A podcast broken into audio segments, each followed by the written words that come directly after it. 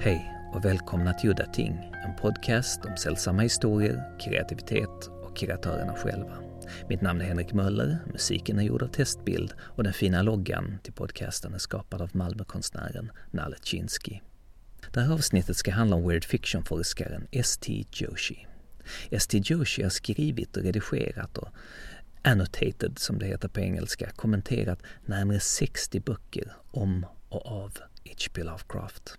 Han anses av många vara världens främsta Lovecraft-forskare och han är således mest känd för sin 1000 sidor långa biografi om Lovecraft som heter I am Providence. En fantastisk bok i två delar som jag läst flera gånger och är utan tvekan den bästa och mest innehållsrika boken om Lovecraft. Men Joshi har även skrivit om Ramsey Campbell och Lord Dunsany samt boken The Weird Tale som behandlar de stora samtida författarna inom denna genre. Det är alltså M.R. James, Lord Dunsany, Algernon Blackwood, Arthur Machen och Lovecraft själv då såklart. Weird fiction var alltså en term på det tidiga 1900-talet som var en sorts paraplyterm för det som senare skulle komma att genrebestämmas som skräck, science fiction och fantasy och ibland en mix av alltihopa. Sen finns det ju de idag då som skriver det som kallas the new weird. De är återupplivat eh, och vill hålla liv i eh, the weird tale helt enkelt. De påstår att weird fiction är en helt egen genre i sig och att det bara är det där riktigt skruvade och märkliga som kan genrebestämma en eh, roman eller en novell som weird fiction. Jag har sett bilder på en väldigt ung Esti Joshi med sina vänner redan på 80-talet i Lovecrafts hemstad. Så jag blev väldigt nyfiken på denna forskare, eller scholar som de säger på engelska. Vem var han och hur började hans intresse för weird fiction? How did your interest in weird fiction, and in particular Lovecraft, start? Uh, probably around the age of 10. Now, remember, I was an immigrant from India. My family moved here to the U.S. when I was about five years old. We settled in the Midwest Illinois, and then Indiana.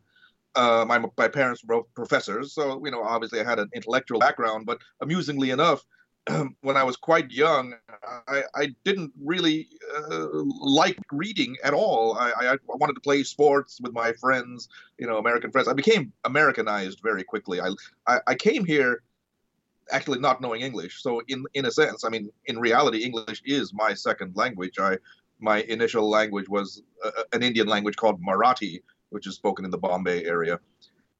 Uh, anyway, so I had to learn English, and obviously at that age you learn very quickly. I was, you know, thrown into a kindergarten class and uh, uh picked up the language quickly. But I did not really enjoy reading or, or really, you know, uh, or or intellectual uh, activity of any kind. Um, and so at the age of ten, my older sister said, "You know, you need to start reading more books. so she took me to the public library uh, in in Indiana and just said, "Hey, pick out something. You know, I'll check it out for you." Now, the funny thing is, one of the earliest things that really got me interested in reading was C.S. Lewis's The Chronicles of Narnia. Now, that's funny because obviously Lewis wrote those books uh, to underscore his deep Christian faith, and and the books are full of Christian symbolism. But I, being an immigrant, having literally no knowledge of Christianity, just read them as entertaining stories and entertaining fantasy uh, uh, works, and and they they entranced me. I read all six of those books and said, "Wow, this is this is great stuff." And reading is a lot of fun. Uh, very quickly, though, I graduated from from fantasy uh, to pure horror, supernatural horror. initially I started reading these anthologies that were edited by Alfred Hitchcock and Rod Serling. Uh, in fact, I'm not sure they actually literally edited those books. I think somebody else did did it for them, but no matter, they they bore their names. Um, and those books were designed for young adults, and I found them very interesting. Uh, I'm pretty sure those books is where I first read stories by Poe and Ambrose Bierce. I don't believe Lovecraft was in any of them. However, what happened was that um, in the United States, there is a publisher called Scholastic Book Services. Uh, you may not know what that is, but this is a, a publisher that that that uh, sells directly uh, to uh, students in what we call junior high school or high school, um, you know, teenagers. Um, I think you buy the books through your school uh, and they send them to you. very inexpensive paperback books at that time. We're talking about the early 1970s.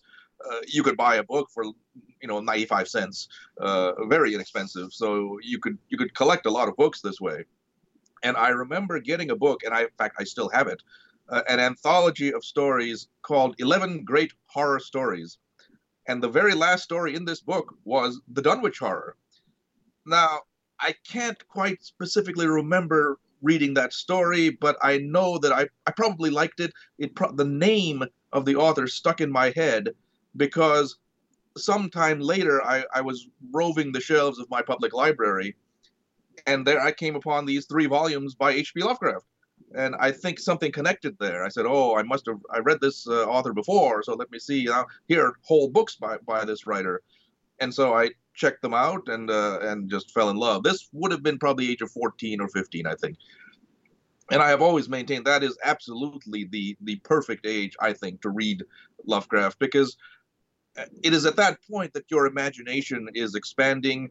Uh, also, you are gravitating. You know, many many young readers are getting more interested in you know adult literature, moving away from just children's literature. Um, and I was doing a lot of other reading at that time, also um, uh, general reading, you know, history, philosophy, uh, you know, novels. Um, but these Lovecraft books simply entranced me, um, and I, I've never been the same ever since. I've heard that you said that Lovecraft turned you into an atheist. Is that true? Well, you have to understand that uh, my parents uh, are, are, nominal Hindus. Uh, my mother, much more devout than my father. My father actually was pretty much of a secularist. Uh, he wouldn't come out and actually say he was an atheist, but um, he uh, he never emphasized religion. And in fact, he urged my mother not to indoctrinate me and my two sisters into religious belief of any kind, either Hinduism or anything else. Uh, he felt that we needed to make up our minds uh, by ourselves at a time when we were ready to understand what what that really meant. Uh, it was not that we were dissuaded from religion. We had books about the various religions of the world in the house, and we were encouraged to read them. Um, but uh, uh so I grew up basically without uh, any inclination for religious belief. I didn't sim- simply felt it was not necessary to my to my life. then, so after I initially started reading Lovecraft's stories, I realized that a number of his letters had been published. Uh, at that time, I think three volumes of his selected letters were had been published by Arkham House, and I asked my mother to see if she could get them from interlibrary loan because they were not available at my local libraries, and I, I didn't have the money to purchase these books. And indeed, they came. This would have been about the age of 16 or 17, probably. Uh, and I read these books, the, the letters books, first three volumes, and they were fascinating, I'll tell you.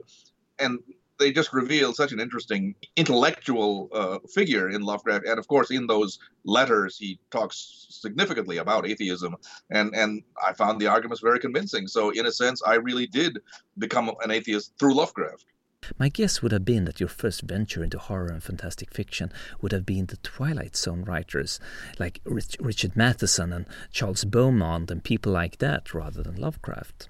Well, those writers actually at the time were not very popular. Charles Beaumont actually, you know, he had died in 1967, and and uh, I think went through an eclipse. He, he, there was not much discussion about him. Of course, right at this time is when horror literature became a, a best-selling phenomenon. First, you had Ira Levin with Rosemary's Baby, and then William Peter Blatty uh, with The Exorcist, uh, and then, of course, Stephen King. So we're talking about late 1960s into the 1970s.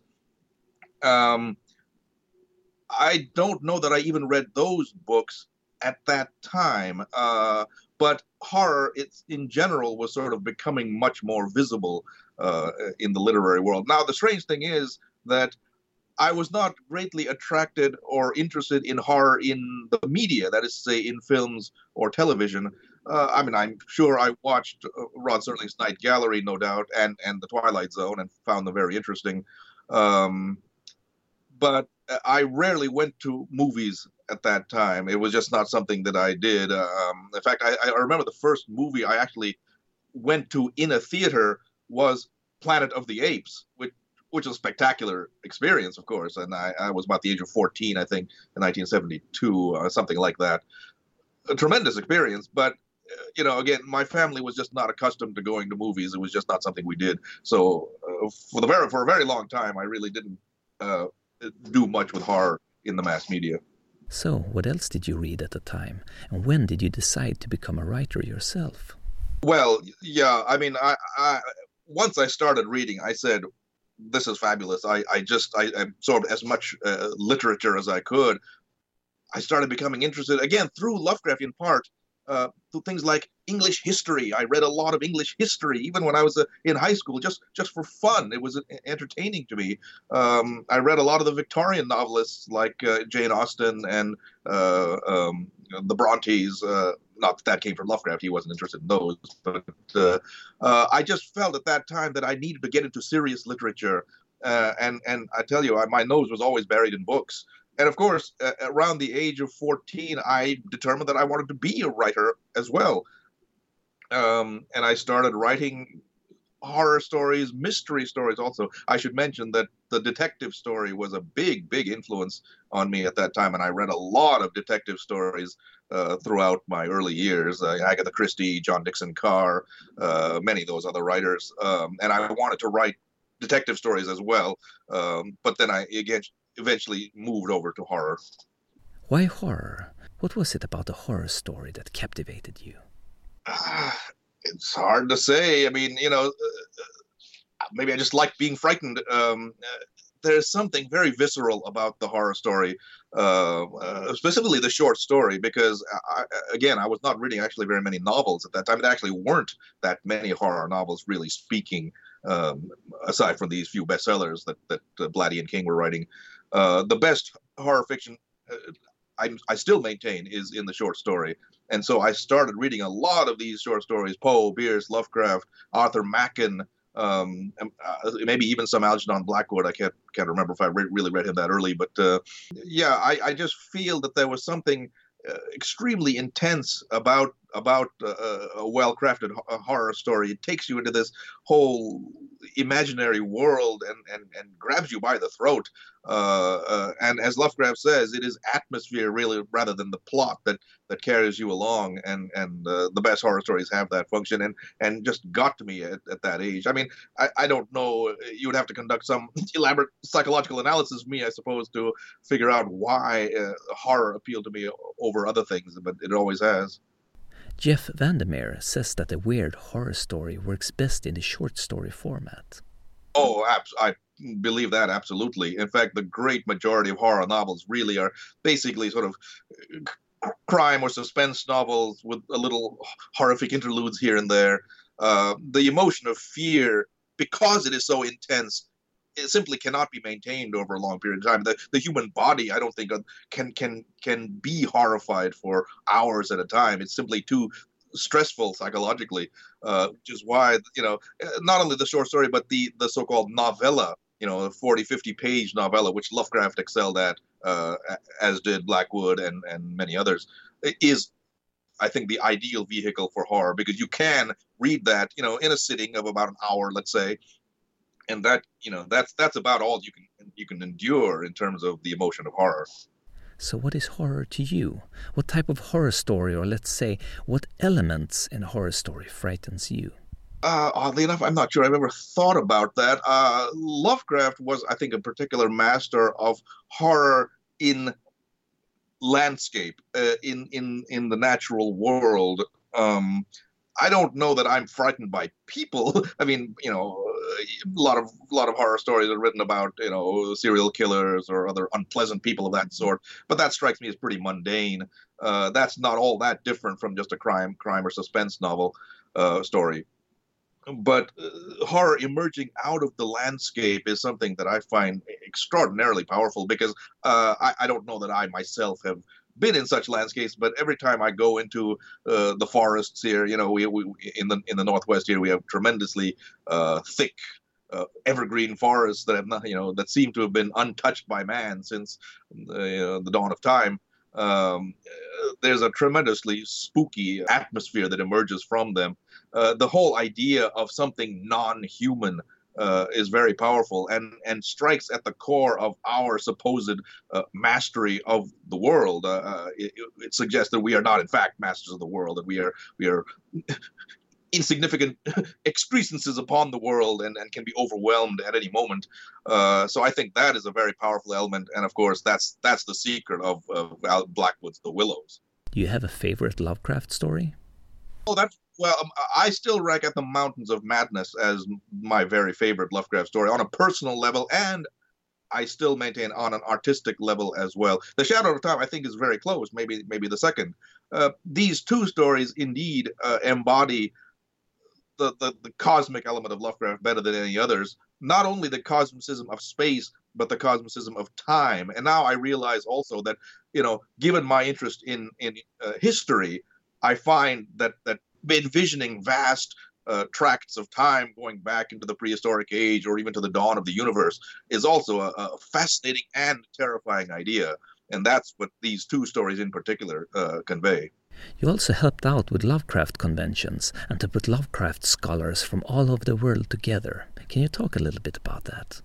Two or three stand out. Uh, I helped to put on the the H.P. Lovecraft Centennial Conference at Brown University in 1990. Now that was a formal uh, academic conference, but nonetheless, it was extremely gratifying that that convention came off uh, as well as it did. We had we arranged five or six panel discussions over two or three days, uh, bringing in the leading scholars uh, and students of Lovecraft from around the world. In fact, I remember a distinctive panel uh, of you know European Lovecraft scholars from France and Germany and uh, uh, Italy, I believe, and, and perhaps elsewhere.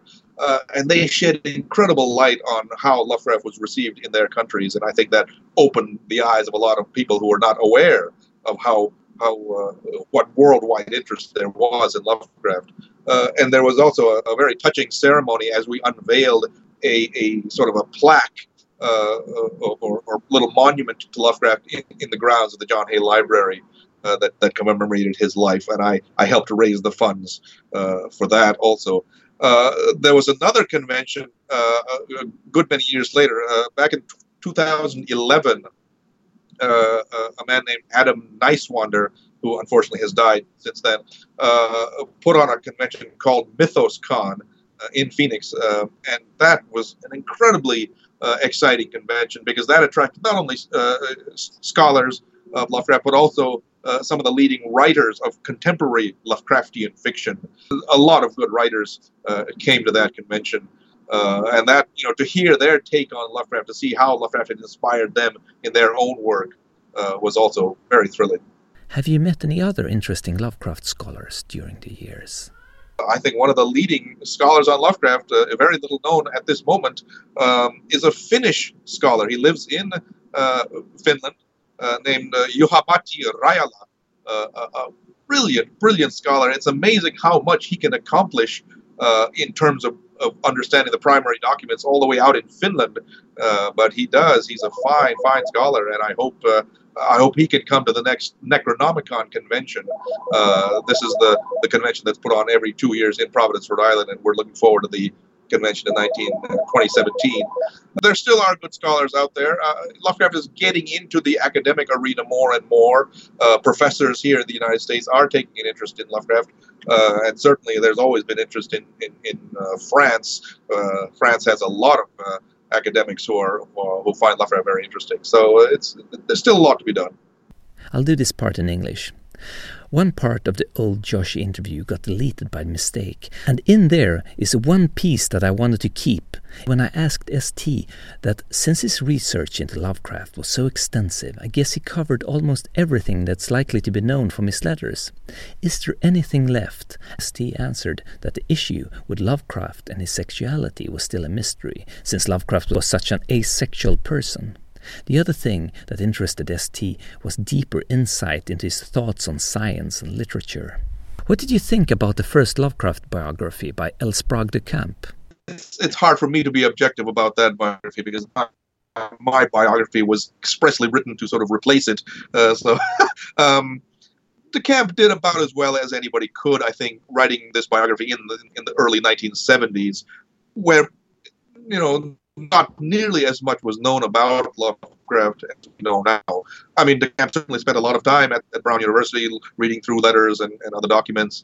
Um, but I think he also was not really sympathetic to Lovecraft. He didn't really understand Lovecraft's views uh, or, or, or, or, sympathize with them, especially his views of being an amateur writer. Lovecraft really was never a professional writer and didn't want to be a professional writer because writing meant too much to him. He didn't want to make it a source of his income because he felt that would be a, a corrupting influence, and I think he's right about that. But DeCamp was a prototypical professional writer. Everything he wrote, he wrote for money, uh, and so he simply couldn't understand the mindset uh, of someone like Lovecraft.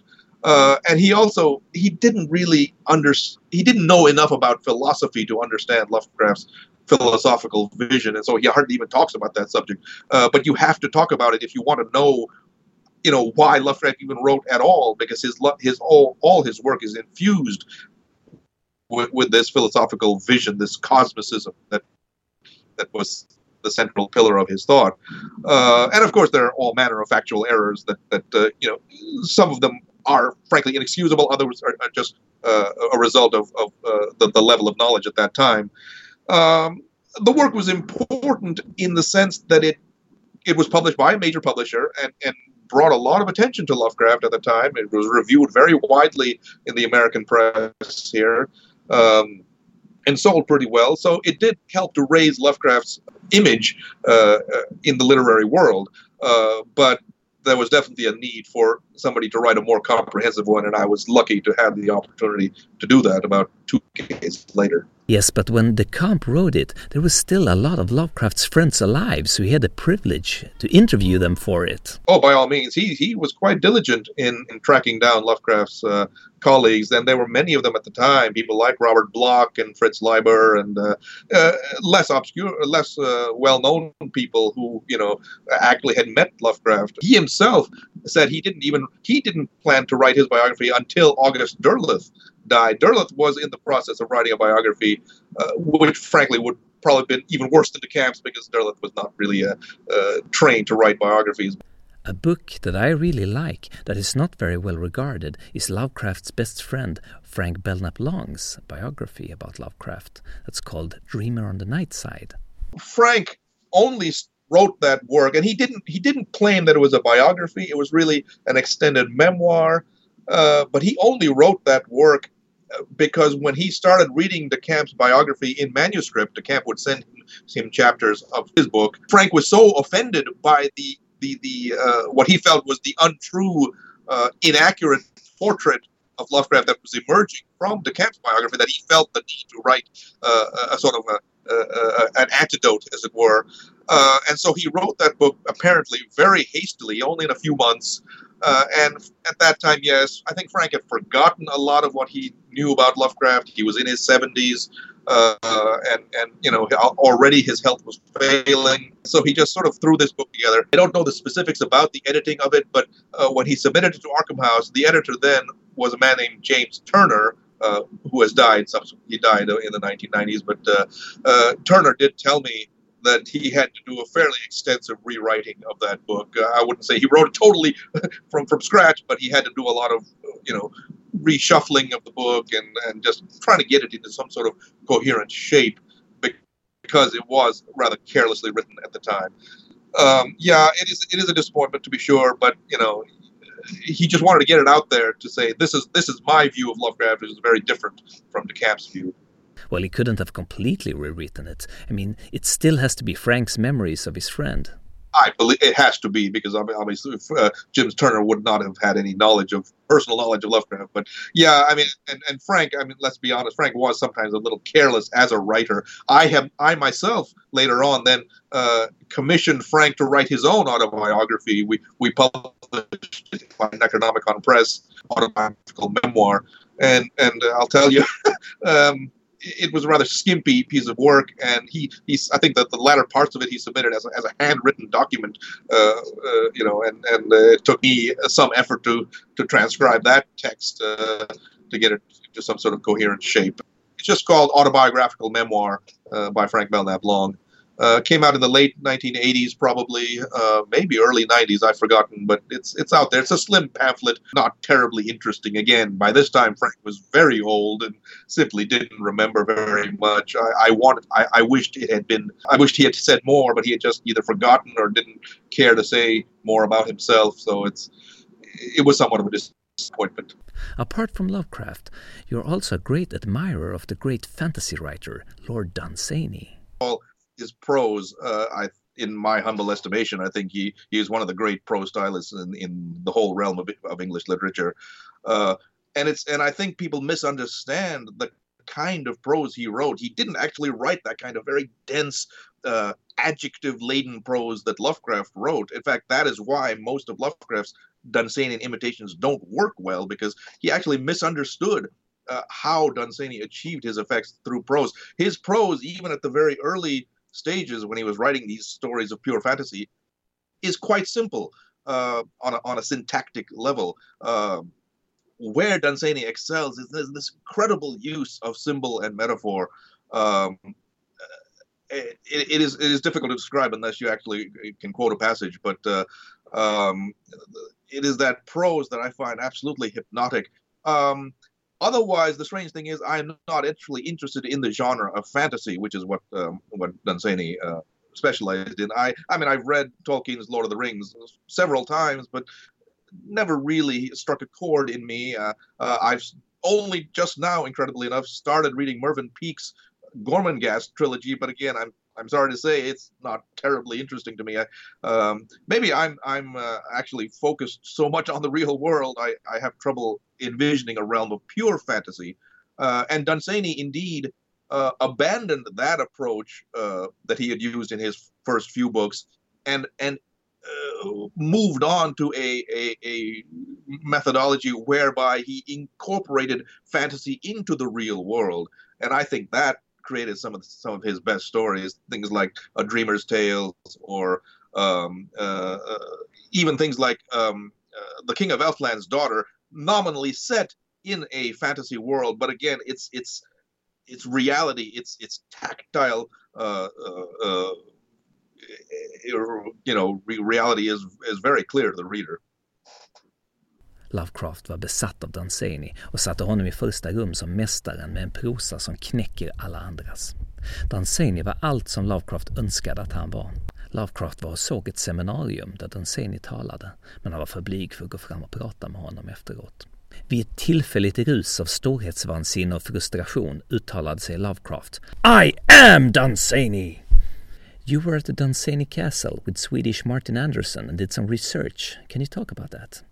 As I say, I uh, you know one of my great interests is Lord Dunsany, and of course I came to Dunsany from Lovecraft, and I was thrilled to to go to Dunsany Castle in in company with Martin Anderson uh, for about two weeks last about I think in summer of 2014, and we helped to catalog Dunsany's papers and manuscripts. It was a fascinating undertaking, uh, and I think we did pretty well at it there's lots of work to do on Dunsany. I think he's a much underappreciated writer, and I hope to get more uh, uh, work by Dunsany out there. In fact, I have assembled a volume of his complete plays. He wrote many, many plays, about uh, 50 plays or so, and this book will be about a, a thousand pages probably. Uh, but uh, I want to get those plays out there because I think they are wonderful pieces of writing, uh, and, and I hope to get other work by Dunsany reprinted as well. There still isn't a proper biography written about Dunsany. I've heard that there was a biography written during the 70s and that it wasn't any good. Could that be the next thing for you to get into now after Lovecraft? The the, the Dunsany family, the estate, uh, li- you know, still living in Ireland, of course, um, commissioned uh, this writer, a British writer named Mark Amory, to write a biography back in the early 1970s, and he did so. He published it in 1972, but I feel it is a pretty inferior piece of work. It does not appear as if Amory really even liked Dunsany very much. Uh, it's it's not a well done biography and needs to be completely done from scratch. Uh, but who who would ever do that is is a is a mystery, because uh, the, the, the, information you would need, the documents and, and letters and things, are at Dunsany Castle in Ireland, and somebody would have to spend weeks there uh, poring over this material and doing all sorts of other background work. Uh, it's a major undertaking, I, and I hope somebody will do it. I, I'm not sure I'm quite up to the task, but uh, I'm, I'm always hopeful that somebody else might do it. You have compiled volumes of contemporary Lovecraftian horror writers in several books called Black Wings of Cthulhu. In 2007, I compiled an anthology for Penguin uh, called Penguin Classics called uh, American Supernatural Tales. Uh, now, this was an historical anthology going all the way back to Washington Irving and then up to the present day. And I, I, I, I was actually not all that familiar, really speaking, with many of the leading contemporary writers of today because most of my research has been on on past writers. Um, but I received some advice from a colleague who says, "Well, there's a particular writer named Caitlin Kiernan uh, you really ought to uh, consider." And and she sent me uh, some stories, and there was one particular story which uh, ended up being Black Wings one that I thought was spectacular. Uh, um, uh, and and I said, "Wow, this this is she's a great writer." Um, and of course, in in my uh, uh, research on Lovecraft, I had become acquainted with some of the other writers who were writing contemporary uh, Lovecraftian fiction, people like uh, W.H. Pugmire and some other writers. So I realized that I had a, a, a, cadre of, of writers who could do a pretty interesting anthology of original fiction uh, uh in, in the Lovecraft vein. There were a number of anthologies of that sort uh, starting to come out, and I said, well, why, why can't I do one? Now, the interesting thing is that I assembled this volume specifically for Arkham House because at that time Arkham House was still, you know, a, a, leading small press. They had published, of course, my corrected editions of Lovecraft, so I figured um, they might be interested in this book. And and uh, they had they had not published a book for a while. They were going through some sort of difficulties, apparently. Uh, and so I, I naively felt that this book might uh, help them to resurrect their fortunes because it, it would take them back to their you know their roots uh, in in terms of publishing Lovecraft related material. Well, the, the Arkham House uh, sat on this book for about six months and uh, made no decision. And I finally said, "Well, you know, I, I need I need a decision here. I, I I can't have you sit on this forever. It's unfair to these authors who have written these original stories that you know if they don't know what the fate of their work is. So I simply I said, I'm sorry, I, I have to take the volume away. I, uh, if you if you can't make up your mind. So then I was sitting on this book, which I thought was a very good book, uh, and I said, well, where where should I go now? Um, and I can't remember how I came upon PS Publishing. Maybe somebody recommended it uh, to me. Uh, but I sent a message to the editor of PS, uh, Pete Crowther in England, um, and all I did was say, I have an original volume of stories uh, in the Lovecraft vein, and here are the authors and and the titles of the stories. And almost by return mail or email, of course, he said, "Yes, I want this book." He did not even read the book. Apparently, I'm, I'm flattered to think that my reputation and also the reputation of some of the, the authors I had in this book, uh, Caitlin Kiernan, Laird Barron, uh, uh, a number of other important writers, uh, convinced him that that uh, the book was good enough and and and saleable enough to publish. Uh, and sure enough, it, it came out in 2010, and uh, now I've just finished my sixth volume in that series. When I met you in 2014 at the Lovecraft Festival in Portland, you said that you had gotten a mission to annotate Robert Chambers, The King in Yellow, in one week or something like that. Oh, that uh, when that television show uh, True Detective came out, the first season, um, it had all sorts of covert references to Chambers. I think they talked about Carcosa, Hali, uh, the king, maybe even mentioned uh, the king in yellow or the yellow sign. I can't specifically remember.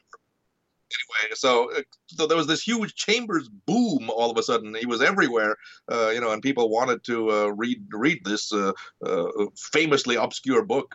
Um, so uh, a, a, friend of mine, in fact, the same friend who had recommended Caitlin Kiernan to me uh, years before, uh, Stefan Dziemianowicz, um, he is an editor at Barnes and Noble Publishing in New York, said, "Okay, uh, we we need to get out a, an edition of Robert W. Chambers' King in Yellow immediately to cap you know capitalize on this uh, sudden interest.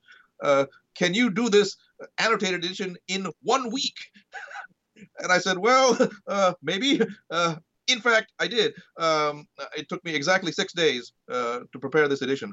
Uh, now, I have to admit that I relied on on some past work I had done on Chambers. I had written uh, a lengthy article on Chambers some years before, um, because of course I, I, was quite familiar with with Chambers' writing. Uh, back in 2000, I had published a huge and uh, collection of Chambers' complete weird writings called The Yellow Sign. So I was very familiar with with Chambers. Uh, and the annotation process wasn't wasn't extremely difficult. Uh, there was not all that much to annotate, really speaking. Uh, but I think I shed some light on uh, not only on the King in Yellow stories, but the the other stories in the latter half of that book that actually are not horror stories, but are quite good stories about mostly about the Franco-Prussian War, set in France for the most part. Um, and then I wrote, and I, I managed also to find some uh, original reviews uh, of that book uh, in, in English and American uh, magazines. And I think a lot of that has not been seen before. So, yes, it took me exactly six days to publish, and the book came out in about a month. Uh, instant publishing. Have you ever written something that you completely changed your mind about afterwards? I had written a chapter on M.R. James uh, for my book, The Weird Tale, back in 1990. And I was rather harshly critical of James uh, because I felt that his ghost stories were were both uh, were backward looking. They they didn't really advance the genre any. I mean, he he basically was the culmination of the English ghost story. Um, and I didn't find James himself all that interesting uh, an individual. But then, about 15 years later, Penguin uh, Classics asked me to edit the, the, the ghost stories of M.R. James. Um, and I felt, well, I'm really not an authority on James. There are many others who could probably do much better, but the Penguin, you know, trusted me to do a good job. So I finally started doing some further background research in James. Uh, there are two very interesting biographies uh, about James, both quite different in their approaches. One focuses on his scholarly work as a as a as a scholar of, of biblical uh, manuscripts and things like that. The other focuses more on his personal life and his ghost stories. And I found them both illuminating. And I found James much more interesting as an individual and as a thinker than I did before. And as a result, my opinion of the stories substantially increased. I, I realized a very high level of craft in these stories. Um, and of course, I did I did further research. Uh, I found that James had written some very early uh, stories in his in, in in his college years and things like that. And I stuck those in an appendix. See, of course, he had written some very interesting essays, the ghost story. Um, so I, I put those also in an appendix. Uh, so James was quite a revelation. I, I have a much higher opinion of him now than I used to. What contemporary writers fascinates you today? Is that there are a lot of good writers out there, and they're taking uh, uh, the genre into very interesting directions. I mean, I can just rattle off people like uh, certainly Caitlin Kiernan. I hope Laird Barron is doing good work. I've been disappointed in some of his later writing, but nevertheless, he's he's a very talented writer. Uh, I've promoted some uh, writers who have sort of come under my wing, like Jonathan Thomas, uh, Michael Aronovitz, uh, a number of others. Um, but uh, in my humble estimation, the the the Lovecraftian vein may actually be sort of coming i wouldn't say coming to an end but i think we've sort of reached a certain limit in terms of what people can do with the lovecraft element. In fact i've just compiled black wings 6 and i'm going to take a break now from that series because i think we need to promote other types of work. And some of the so my standard authors have said i have nothing more to say in that particular idiom anymore.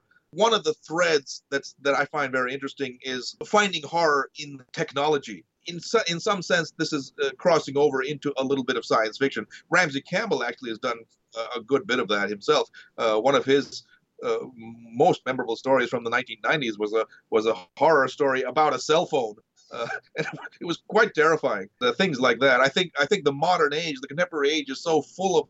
Uh, we're so wired. We're so full of uh, gadgetry that it's, in a sense, redefining what it is to be human, uh, especially with know, the development of robots and, and artificial intelligence and things like that. Uh, that's a very fertile field for horror. In fact, I am now hoping to compile an anthology called Future Weird, which will be horror stories sort of intersecting with science fiction. Uh, and of course, Lovecraft was a great pioneer of that himself in his day. Uh, so that's one thread that I think is very promising. There's a lot of great weird fiction being written out there. Uh, unfortunately, uh, most of it is in this small press, so you have to make some effort to seek it out. Uh, the big publishers don't really do a lot of horror these days because it's simply not that marketable. We don't have the big best-selling writers anymore, and that's I think actually that's for the better. Horror can enter into almost any aspect of human life. That's why it's almost misleading to refer to it as a genre. It's uh, it's not really a genre. I mean, uh, you know, it can be very close to mainstream fiction sometimes. It can draw upon elements of the mystery and detective story, uh, the science fiction story, the fantasy story. Um, all these things work, can work their way into what we consider to be a horror story or a weird tale. I'll, I will just mention um, I'm still devoted to unearthing the classics of older uh, weird fiction. Uh, I have two different series going on simultaneously. One is with Centipede Press, which is another fine small press in this field. Unfortunately, their books are quite expensive, hardcover editions and, and small uh, print runs. But nevertheless, uh, I'm doing a, a series called the Centipede Press Library of Weird Fiction, in which I hope to include large uh, selections of the leading weird writers from the past, going all the way back to Poe, Lovecraft, Dunsany, Machen, Bierce, Blackwood, uh, Bram Stoker, uh, and a number of others. So those books are in the process of coming out. Uh, another press called Dark Renaissance Books is doing a smaller smaller volumes uh, of of classic weird fiction, uh, in which I'm re- reprinting the work of writers like E. Nesbit and uh, W.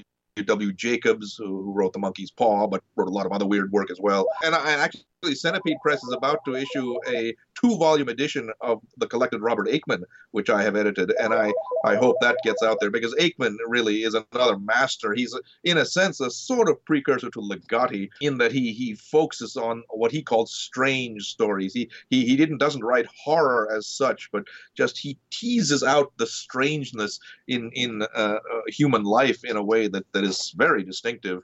I've read the Robert Aickman story, The Hospice. Extremely creepy story. In fact, I think it was even made into a short film, about 20, 30 minute film.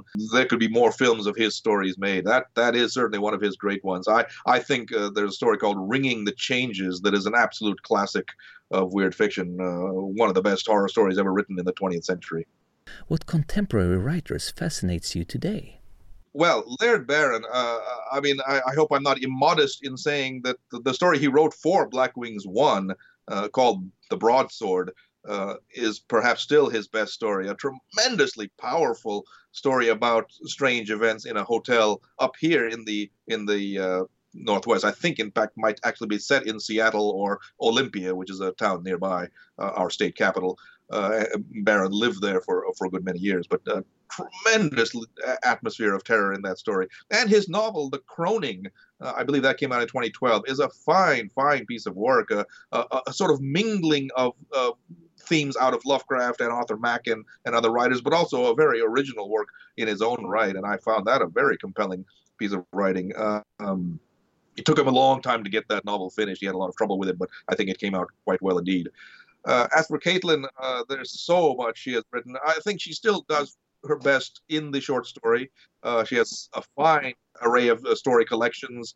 Uh, I think uh, the Ammonite Violin has a has a great great stories in it.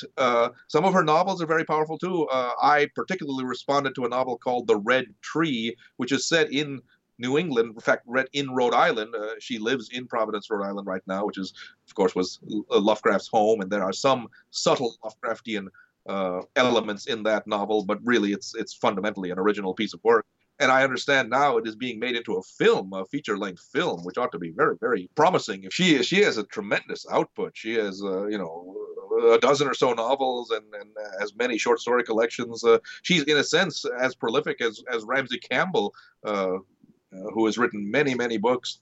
Too many to mention here. Can you talk about your own fiction? You have written a fictional story where H.P. Lovecraft is the central character. It's called something like The Assaults of Chaos. Oh, that, that novel is what the French call a jeu d'esprit. Uh, it was a bit of a joke. It's called The Assaults of Chaos, uh, still available from Hippocampus Press. Uh, I wrote that whole book as a sort of tribute not only to Lovecraft himself, who is the central character in the book, uh, but also to my own love of weird fiction. So I have, uh, I wouldn't say cameo appearances, but in fact more substantial appearances by Blackwood, Dunsany, Machen, Hodgson, Bierce. Uh, it was just a, a piece of fun. Um, I will mention that uh, I have written also two detective novels uh, not Lovecraftian, of course, uh, but those are available from Wildside Press. Uh, I actually uh, have very much enjoyed the detective story. I read detective stories uh, from from childhood onward, and I have have written a book about the detective story. Um, uh, I, I, write fiction more or less as a recreation rather than as any, any serious undertaking. so no need no need to take it very seriously. You've also written a very good book called The Weird Tale about the golden age of weird fiction, and where we talk about these authors M.R. James, Lord Dunsany, Algernon Blackwood, and H.P. Lovecraft. How did you come about writing that book? I'll tell you, but, uh, one comment about Lovecraft that I have always, always uh, uh, struck me as very true is when Robert Bloch uh, a young writer who, who, came in touch with Lovecraft when he was a teenager. He said, Lovecraft was my university and what he meant by that was that just through corresponding with Lovecraft, Bloch became interested in so many other things that he might not have known about were it not for his uh, these letters he got from Lovecraft. And I, in some ways, I feel the same way. When I read supernatural horror literature, when I read Lovecraft's letters, I become interested in all these other things that he was interested in uh, that I would have not have known about. So, in in a sense, that book, The Weird Tale, was my attempt to I wouldn't say rewrite, but to perhaps update uh, Lovecraft's own treatise on supernatural horror, horror literature, especially his last chapter uh, on the modern masters, where he talked about uh, Blackwood and M.R. James and Dunsany and Machen. And so I chose those four to write about. I wanted to give my interpretation of them, along with Lovecraft himself, and then Ambrose Bierce, who I felt was also an important figure. Um, so that book, in a sense, is structured, uh, you know, by my interest in Lovecraft, even though I Lovecraft has there's only one chapter about Lovecraft in there. Uh, and and and I found these writers to be compelling, extremely compelling, uh, and so I actually ended up obtaining nearly their entire work and reading uh, their whole work in, in, a way that I don't think has been done before. Uh, and and and I found I found this incredibly illuminating. But I wouldn't have done it if I hadn't uh, first studied Lovecraft. So Det här avsnittet blev extra långt på grund av att jag tyckte det var så intressant att höra hur en person som har spenderat så stor del av sitt liv med att forska på ett enda ämne, weird fiction, och i princip då mest på en enda person, H.P. Lovecraft. Ja, det var allt för den här gången. Jag heter Henrik Möller och musiken är skriven av Testbild. Hej då!